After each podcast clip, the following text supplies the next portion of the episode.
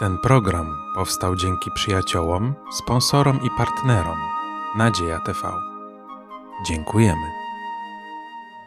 Serdecznie witamy wszystkich, którzy postanowili spędzić czas razem z nami na studium Słowa Bożego. Studium dzisiaj prowadzimy w zborze Kościoła Adwentystów Dnia Siódmego w Podkowie Leśnej. Y, studiować będziemy temat Stany Zjednoczone i Babilon w oparciu o 13 rozdział Księgi Objawienia, jak również inne fragmenty Pisma Świętego.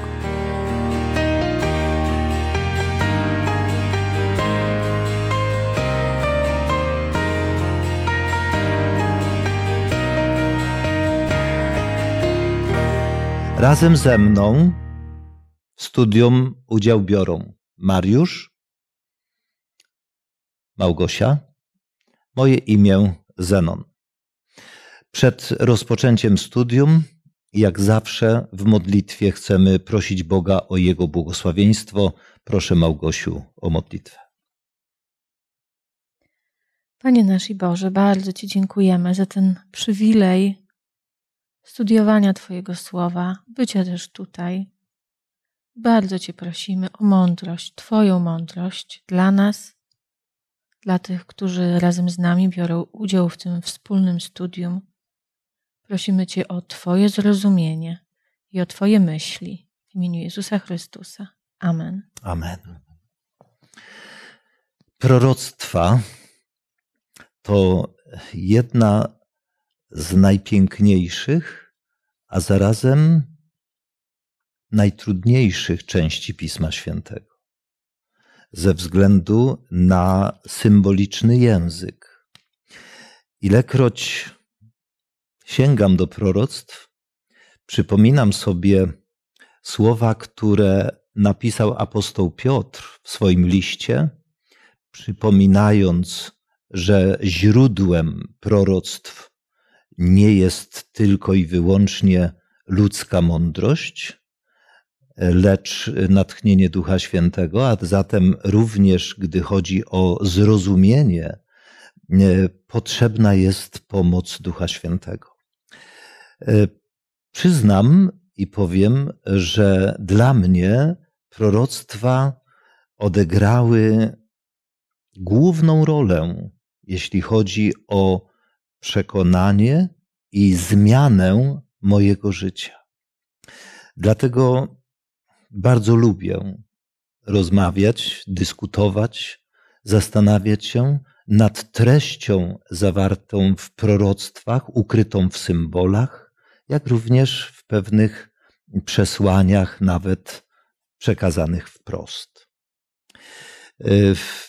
Chciałbym prosić Cię, Małgosiu, abyś odczytała na wstępie z 13 rozdziału Księgi Objawienia pierwsze trzy wersety.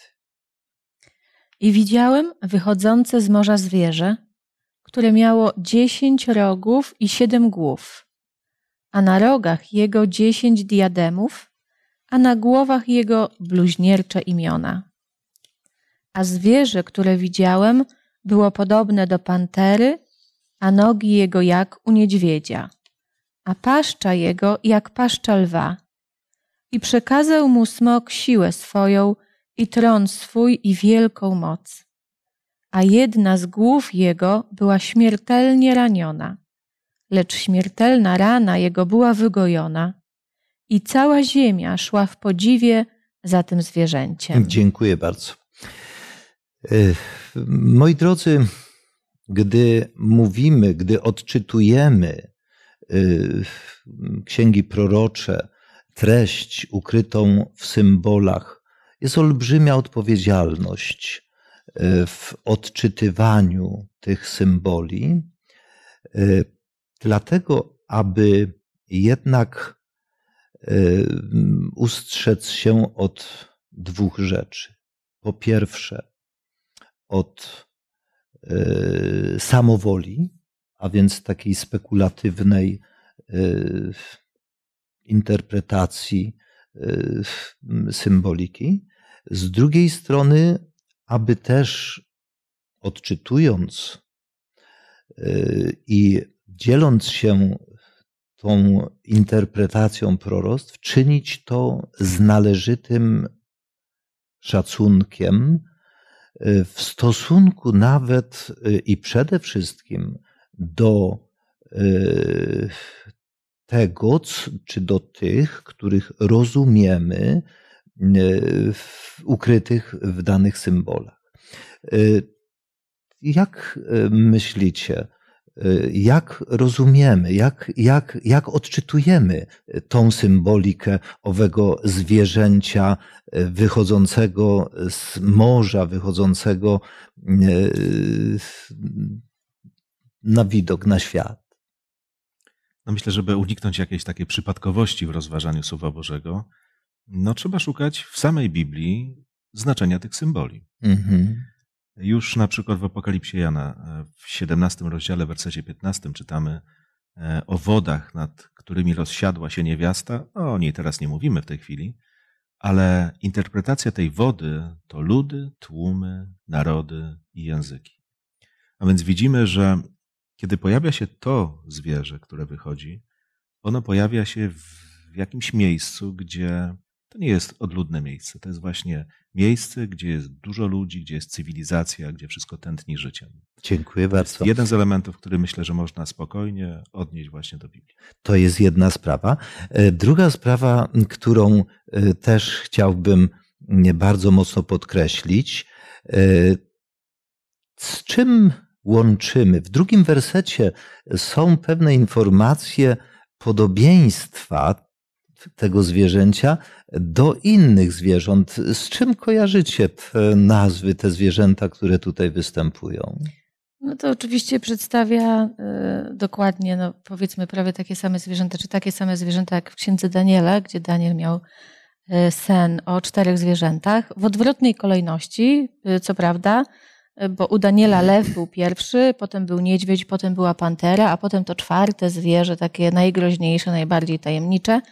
I tutaj tak naprawdę wychodzi na to, że to zwierzę miało po trochu z każdego zwierzęcia z widzenia Daniela. Mm -hmm, A wiadomo, że mhm. Daniel miał objaśnione to widzenie i Danielowi wyjaśniono, że każde zwierzę oznacza jakieś królestwo, mm -hmm. jakieś, jakiegoś króla królestwo, więc tutaj ewidentnie też o to chodzi, tylko chodzi o zwierzę, które jakieś rzeczy, jakieś dziedzictwo ma z każdego elementy. z tych poprzednich. Mhm. Czyli łączy w sobie mhm. pewne elementy, pewne podobieństwa e, tych mm, potęg, które e, w wizji Daniela e, były przedstawione w symbolach tych właśnie tych zwierząt.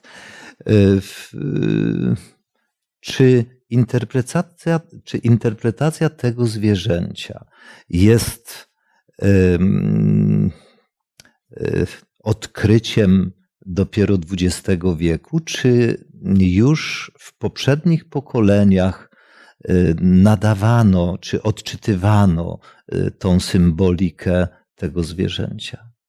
Znaczy, z całą pewnością, kiedy rozważa się samą Księgę Daniela, to ci, którzy ją interpretują, dają wyraz bardzo jednoznacznie, że to czwarte zwierzę e, można konkretnie odnieść do potęgi, która pojawiła się po, po Grecji, -hmm. więc mhm. konkretnie cesarstwo, rzymskie cesarstwo, twarde jak żelazo.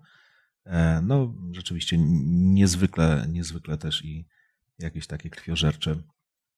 E, także, także jakby stosując może nie analogię tylko dla analogii, ale rzeczywiście jakąś, jakieś jakąś interpretację, która sięga do e, wyjaśnienia tych symboli, które znajdujemy w Nowym Testamencie, można też właśnie to zauważyć. Mhm, dziękuję. Czyli wspomniałeś, e, Mariuszu, o czwartym zwierzęciu z Księgi Daniela, natomiast to zwierzę z 13 rozdziału Księgi Objawienia już jest kolejnym e, zwierzęciem ze względu na to, że ono łączy w sobie elementy zwierząt w księdze, no, występujące w Księdze Daniela.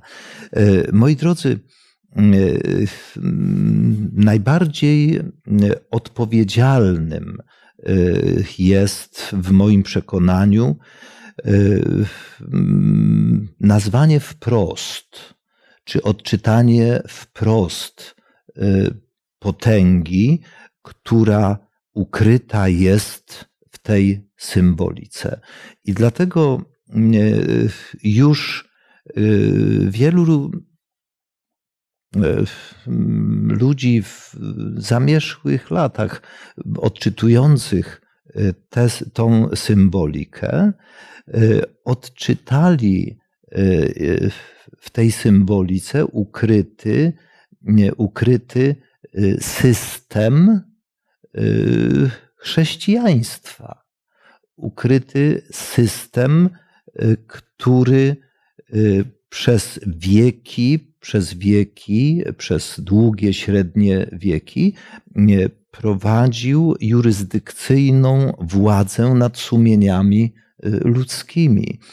I dlatego dzisiaj w XXI wieku mamy pewien problem, czy y, rzeczywiście y, zgodzić się z wykładem tego, tej symboliki, wykładem, który od lat był znany w chrześcijaństwie, gdzie, gdzie odczytywano w tej symbolice papiestwo, czy szukać innego rozwiązania, czy szukać innego, innej potęgi, która odpowiadałaby w tym względzie, y, tej symbolice. Zatem ja zdaję sobie sprawę i każdy z nas, że to studium dzisiaj jest studium dotykającym tylko wybranych fragmentów, ponieważ czasowo nie jesteśmy w stanie zająć się szczegółami. Zatem, zatem y, zwrócić uwagę chcę na ten werset trzeci, gdzie mowa jest o śmiertelnej ranie jednej z głów tegoż zwierzęcia. Jak odczytujemy tą symbolikę dzisiaj. Ja myślę, że trudno w ogóle mówić w oderwaniu o jeden werset od reszty, bo jeżeli zaczynamy interpretować jeden werset w oderwaniu od reszty, to faktycznie interpretacja musi, może być absolutnie dowolna.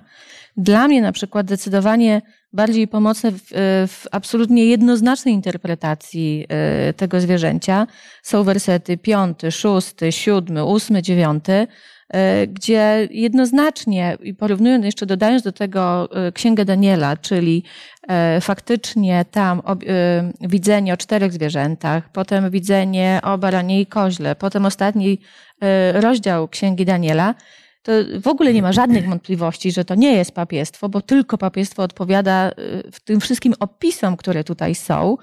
E, no i coś, z czym w ogóle nie, nie da się dyskutować, no to jest piąty werset, gdzie jest dano mu paszczę mówiącą rzeczy wyniosłe, bluźniercze, dano mu też moc działania przez 42 miesiące. I to jest ten okres 1260 y, lat, który faktycznie kończy się tą raną mhm. śmiertelną, która później została wyleczona.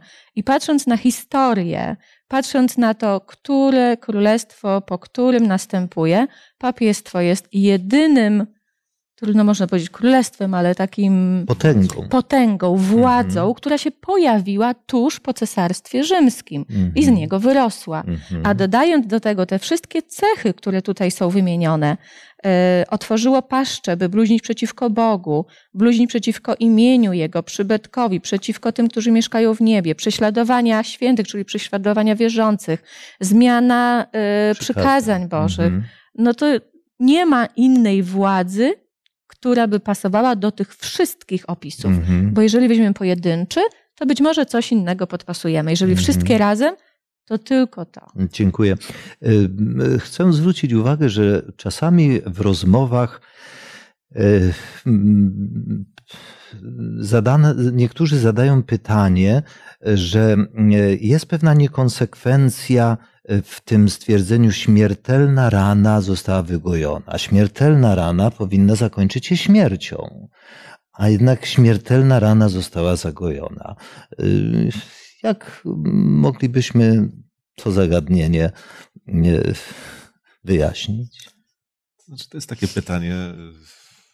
No, znaczy nie, no można je zadać oczywiście i trzeba na nie odpowiedzieć, ale my mamy śmiertelne choroby, z których jesteśmy czasami uleczeni. Mm -hmm, mamy śmiertelne rany, które okazują się jednak do wygojenia, do prawda? Wygojenia. Coś mm -hmm. bardzo niebezpieczne, jakiś poważny -hmm. e, cios, który okazał się nie ostatnią chwilą tego mhm. istnienia tej, tej potęgi. Prawda? Także było na skraju, a jednak się odradza. I to jest właśnie to przesłanie, które pokazuje, że, że niby koniec, ale jednak jeszcze spory czas działania i to bardzo skutecznego, dalej w opozycji do Boga, ta potęga po prostu.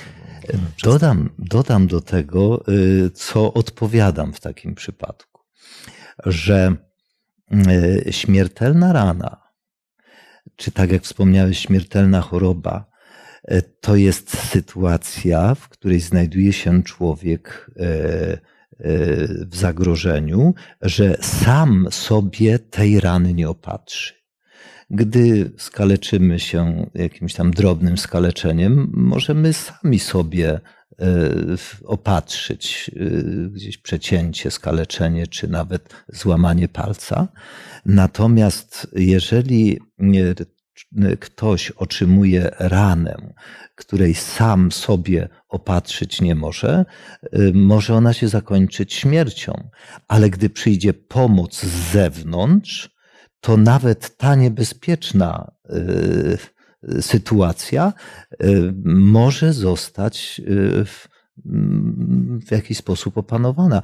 I dlatego ja nie kwestionuję proroczego tutaj słowa, jaki Jan zapisał, że jedna z głów tego zwierzęcia otrzymała śmiertelną ranę, lecz ta śmiertelna rana została wygojona. I ostatnie zdanie trzeciego wersetu y, jest y, zdaniem, które wprawia rzeczywiście w zdumienie, bo to, co czytałaś, cała ziemia szła w podziwie za tym zwierzęciem. A więc to y, zachwyt, podziw, uznanie, y, i to nie jakiejś tam części, jakiejś tylko grup, ale Jan mówi, że po tym wygojeniu tej rany cała ziemia szła w podziwie za tym zwierzęciem. I dlatego warto sobie dzisiaj postawić również pytanie, jaka władza dzisiaj jest najbardziej podziwiana przez ludzi? Bo to proroctwo również wskazuje jako jedną z cech. Prawda? Na ogół władzy y, y, społeczeństwa nie lubią. Prawda? Różne są, stos, różny jest stosunek społeczeństwa do władzy, prawda? Natomiast tutaj Jan z natchnienia, z objawienia Bożego pisze, że ta władza budzi na całej ziemi wśród ludzi podziw. W związku z tym, moi drodzy, jest pewien problem, który, nad którym dzisiaj zastanawiamy się, jak możemy pozostać wierni w głoszeniu tego, co w proroctwie zostało ukryte w symbolice, y, nie raniąc uczuć religijnych innych ludzi. To jest z jednej strony proste, z drugiej strony trudne, bo y, są osoby oczywiście, które bez względu na to, jak zrobimy, jak powiemy coś, czy przekażemy prawdę biblijną, one tak czy inaczej obrażą się, odrzucą i tak dalej. Natomiast co jest ważne, pamiętać o tym, że Bóg kocha ludzi. Bóg nienawidzi grzechu.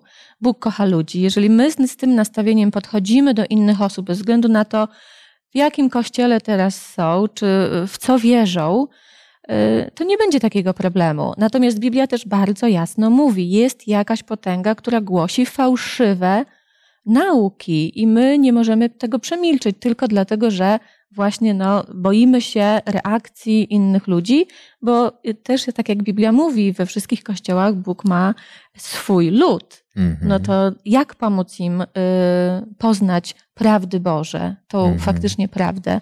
No trzeba opowiadać o prawdzie, która no, stoi w sprzeczności z fałszywymi naukami głoszonymi przez chociażby właśnie przez papiestwo, czy też inne kościoły. Chciałabym jeszcze powrócić do Twojego poprzedniego e, pytania o tej śmiertelnej ranie, bo e, śmiertelna rana jest czymś bardzo poważnym i czymś, co mi się kojarzy z ogromną zmianą.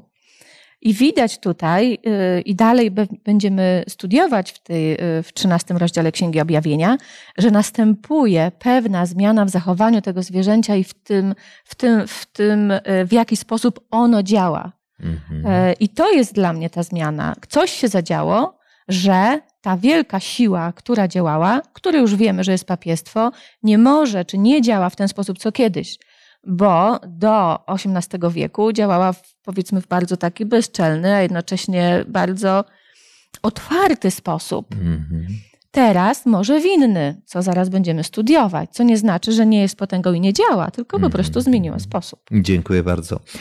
Y, z pewnością wiele myśli jest tutaj jeszcze ukrytych, godnych podkreślenia, ale y, spójrzmy na kolejną myśl poruszoną przez Jana, bo Jan mówi, że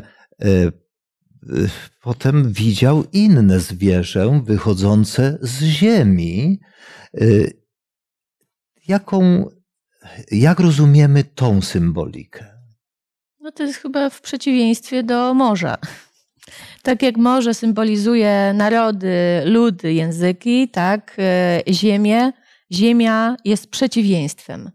Czyli no, musimy szukać takiego z kolei takiej siły, takiego państwa czy mocarstwa, które nie powstało na bazie innych mocarstw, które na przykład były w Europie, ale gdzieś w miejscu. Mniej zaludnionym, spokojnym. Nie ma tutaj wyjścia też, nie ma wiatrów, nie ma wojen. Mhm. Gdzieś tak spokojnie z niezamieszkałego terenu wyłania się mhm. zwierzę, czyli kolejne królestwo. Kolejna potęga. Mhm.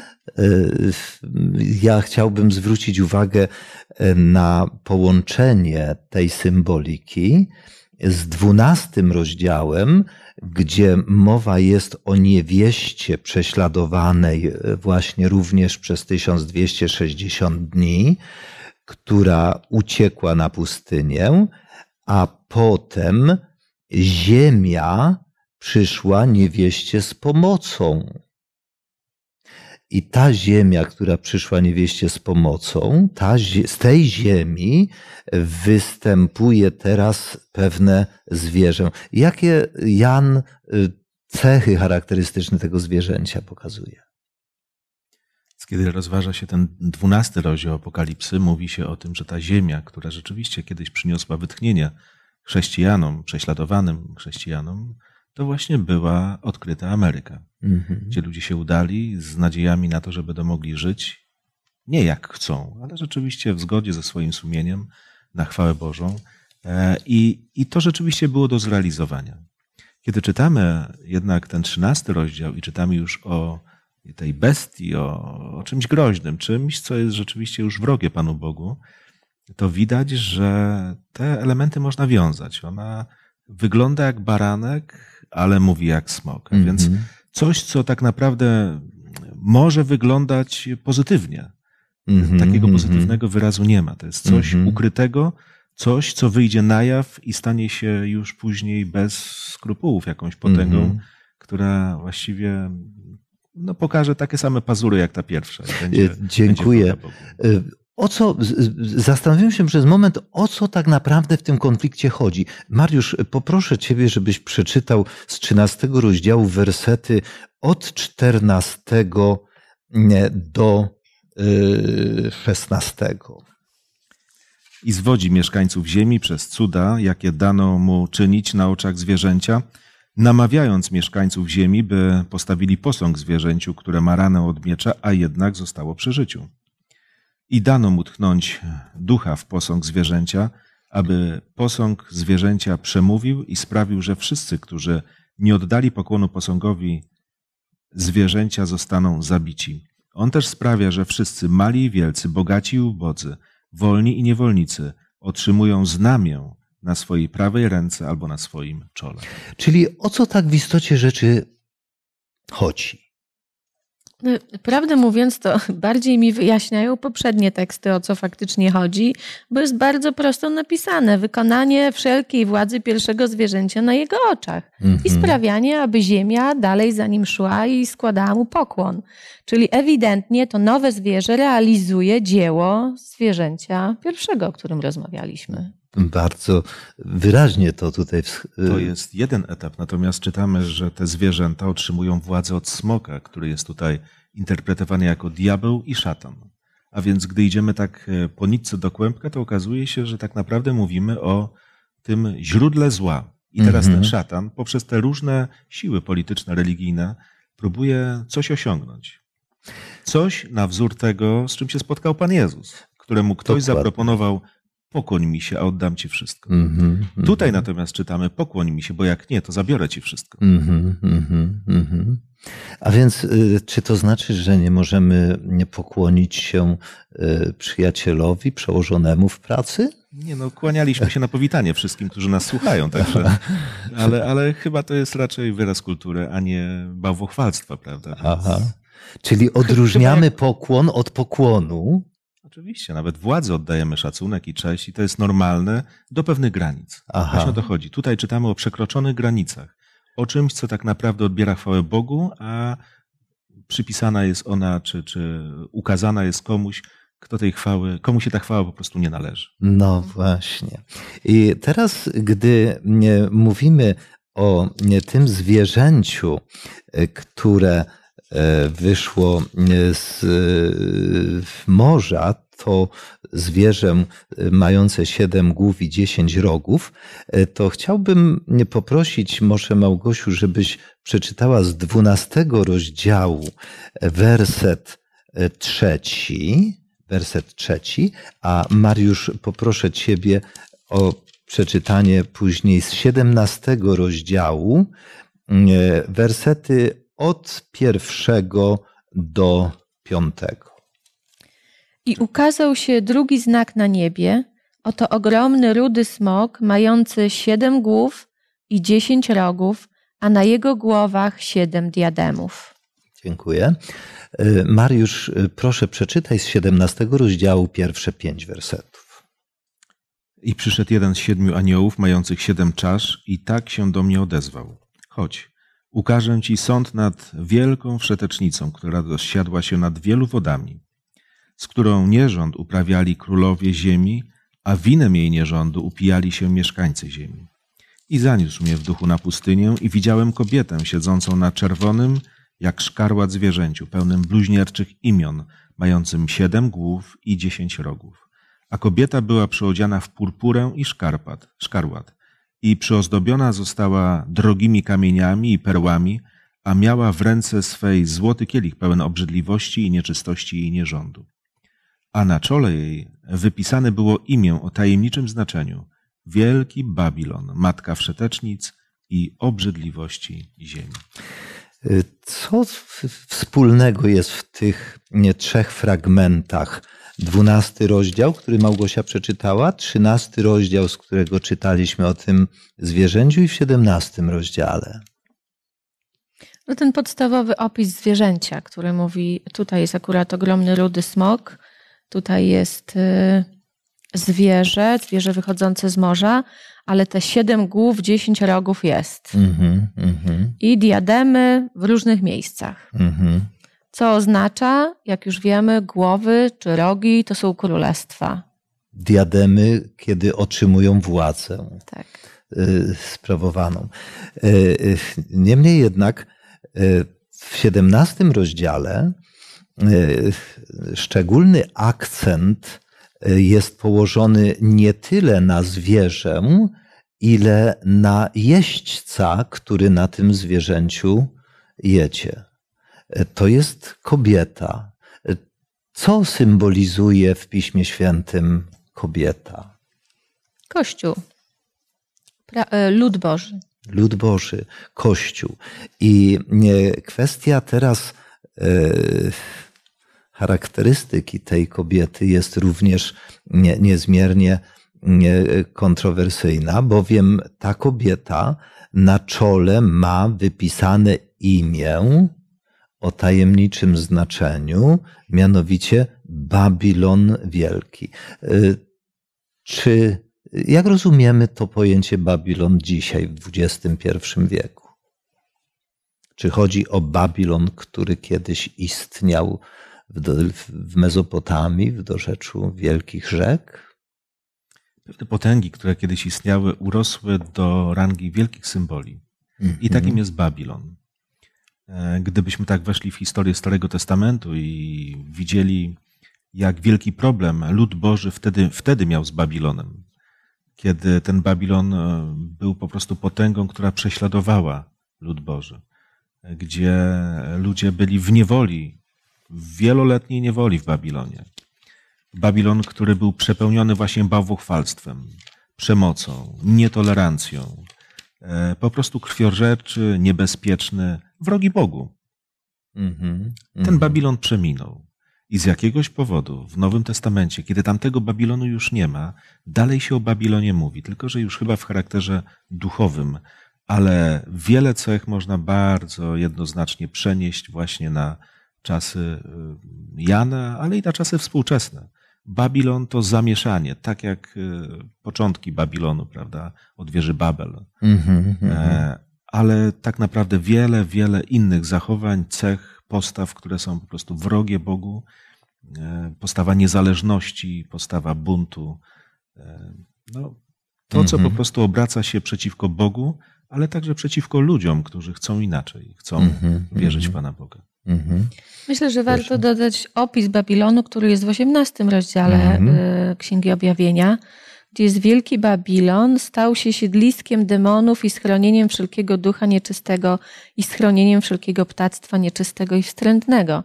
Babilon to jest no, zrzeszenie, zrzeszenie wszystkiego, co najgorsze. Ale co jest według Biblii najgorsze? Wszystko to, co jest przeciwne Bogu i prawu, prawu Bożemu. Mhm. Dziękuję. To, co chciałbym zaakcentować i e, tak bardzo mocno e, podkreślić, to to, że mm, na tej ziemi jest walka, to jest wojna pomiędzy dobrym a złem, pomiędzy prawdą i kłamstwem. Wojna, która rozpoczęła się w niebie, o czym wiemy, i przeniesiona została na ziemię. Cały problem w tej wojny polega na tym, że szatan nie występuje wprost. On przybiera postać anioła światłości. On oszukuje, on zwodzi. Czytaliśmy, że, ta, że to zwierzę wychodzące z ziemi zwodzi mieszkańców ziemi. Co to znaczy zwodzi? Wprowadza w błąd. Jak rozumiecie słowo zwodzić kogoś? Co może właśnie to jest moment, w którym warto zauważyć bardzo praktyczną myśl. Otóż kiedy czytamy proroctwa, to nie jest to tylko czas na zaspokojenie naszej ciekawości. Co tu się jeszcze wydarzy? Mhm. Ale tak naprawdę proroctwa są pisane w określonym celu. I szczególnie właśnie, kiedy spoglądamy na trzynasty rozdział, widzimy, że co róż czytamy o zwiedzeniu. E, I czytamy niestety, no tak jak tutaj były ostatnio przedstawiane wersety z osiemnastego rozdziału, że ludzie tym zwiedzeniom ulegają. Jeżeli czytamy, że Wszystkie narody piły wino szaleńczej rozpusty, mhm. a królowie ziemi uprawiali z nim wszeteczeństwo. Ludziom się to podoba. Mhm. Rozpusta. Nie mówię, że to jest dobre, ale ludziom się to podoba. Mhm. E, całe narody widzimy.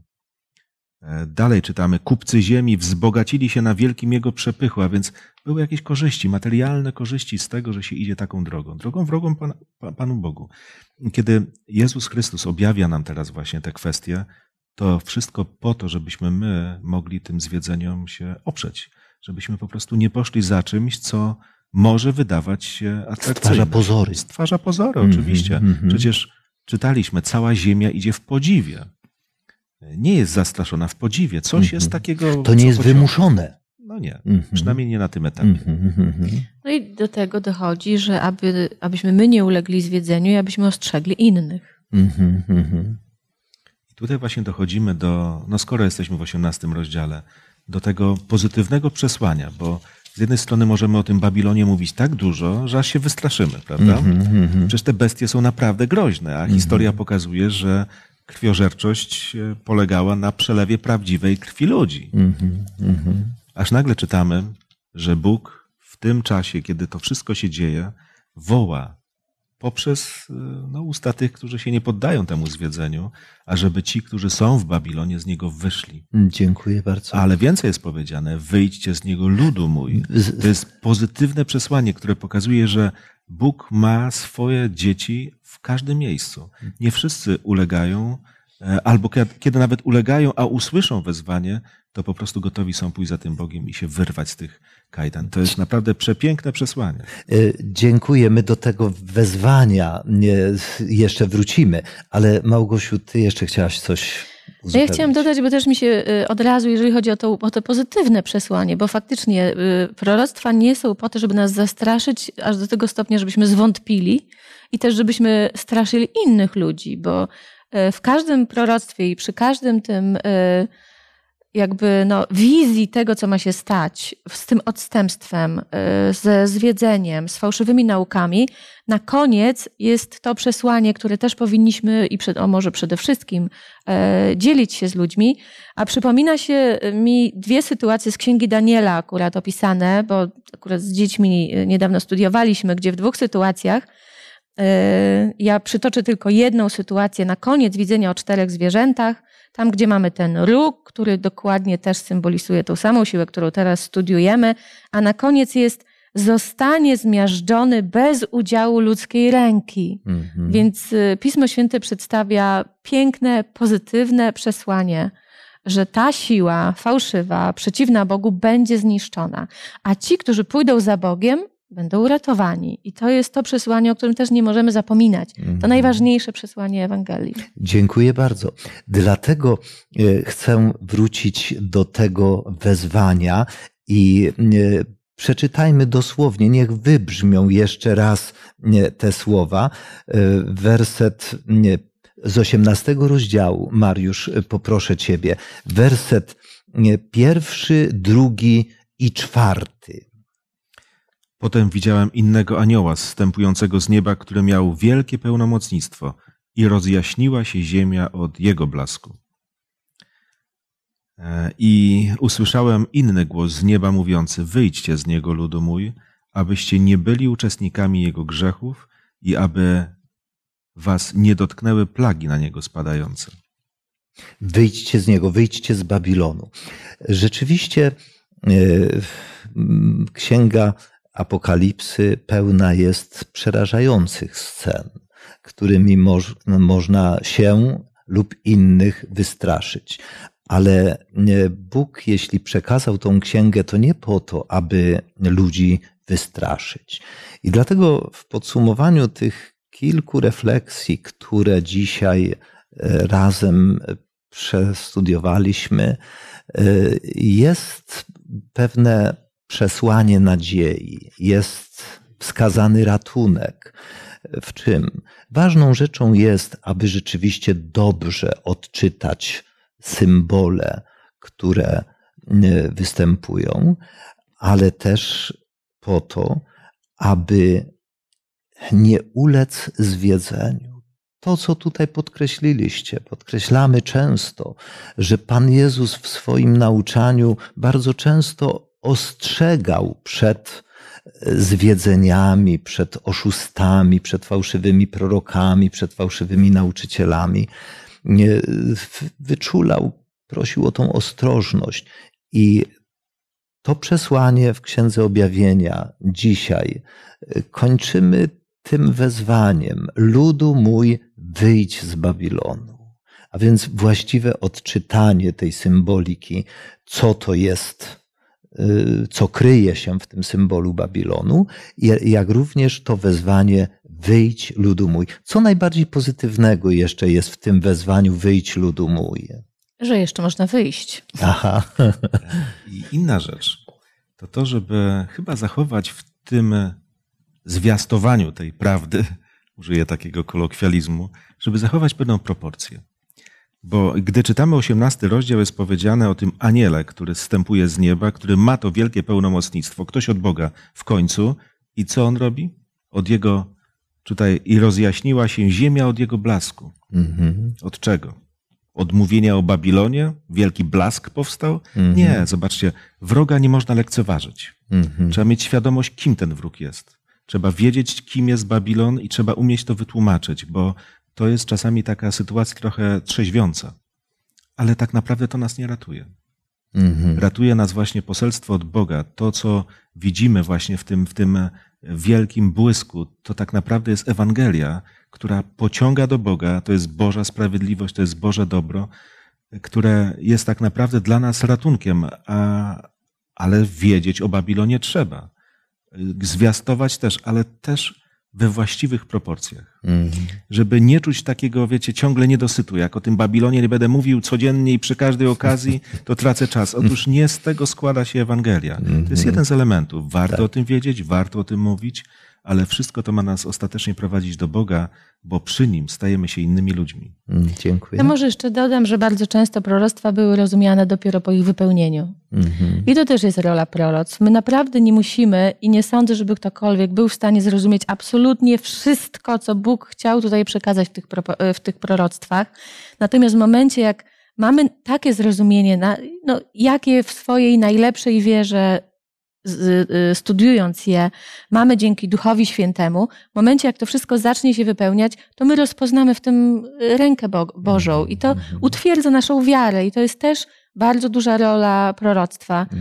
Natomiast y, ja bym wręcz ustrzegła, żeby z kolei nie wchodzić do takiego poziomu szczegółowości, że my zaczynamy zbyt długo rozmyślać, co oznacza pojedyncze słowo i czy to faktycznie to albo to. Czasami trzeba wręcz odpuścić, pomodlić się, poprosić o zrozumienie Boga, poczekać. Bóg to zrozumienie albo nam da teraz, albo nam da w momencie, jak to proroctwo będzie się wypełniało. Gdy będzie nam potrzebne. Także ogromnie dużo pokory i cierpliwości i zaufania Bogu, to jest potrzebne przy studiowaniu proroctw. Wiemy wystarczająco dużo i rzeczywiście e, to, co powiedziałaś, Małgosiu, jest bardzo ważne. E, Wchodzimy czasami, nie wiem, może się zapędziłem, nie odchodzi, że my, ale jako ludzie, wchodzimy czasami w taki poziom rozważania proroctw, gdzie mówimy, co Bóg miał na myśli, Mhm. spisując takie, czy dając do spisania takie, a nie inne rzeczy. E, Trzeba umiaru, ale jak powiedziałem, wiemy, pewne rzeczy są wyraźne, symbolika się wzajemnie gdzieś tam e, wyjaśnia, tłumaczy mm, i chroni nas przed tym, żebyśmy nie poszli za zwiedzeniem, które, jak czytamy, jest powszechne. Jest jakaś bestia z ziemi, bestia z morza, można powiedzieć, jak już mamy i ziemię, i ląd, no wszędzie. Mhm. Tak, Mhm. na każdym etapie życia są różnego rodzaju zagrożenia duchowe, przed którymi Bóg próbuje nas ustrzec. Dziękuję Wam niezmiernie za udział w studium, za myśli, którymi dzieliliście się. Dziękuję wszystkim uczestnikom tego studium, którzy oglądali nas. Jeśli nasza dyskusja e, zainspirowała Was do głębszego studium nie tylko proroctw, ale Pisma Świętego i Ewangelii, to cel tego studium został osiągnięty. Życzymy Bożego błogosławieństwa w odkrywaniu, w poznawaniu i w zrozumieniu tego rzeczywiście, co Duch Święty pragnie nam przekazać. Kończymy studium modlitwą i poproszę Mariusz, abyś służył modlitwą. Drogi Panie i Boże, chcę Ci podziękować za to, że tak bardzo troszczysz się o nas, że traktujesz nas tak y, poważnie, że dajesz nam taką wiedzę, takie zrozumienie, że tak naprawdę dbasz o to, żebyśmy nie byli zaskoczeni wieloma zjawiskami, które dzieją się na tej ziemi i będą się działy. Ale Boże, wiedza to jedno. Daj nam rzeczywiście taki czas z Tobą, który sprawi, że to, co dobre, to, co święte, to, co naprawdę sprawiedliwe, będzie dla nas tak cenne. Ty będziesz dla nas tak ważny, że to, co będzie obok, może i nęciło, dla nas nie będzie miało znaczenia. I daj Boże, żeby tak właśnie było, żebyśmy przez Ciebie w taki sposób byli chronieni. W imieniu Pana Jezusa. Amen. Amen.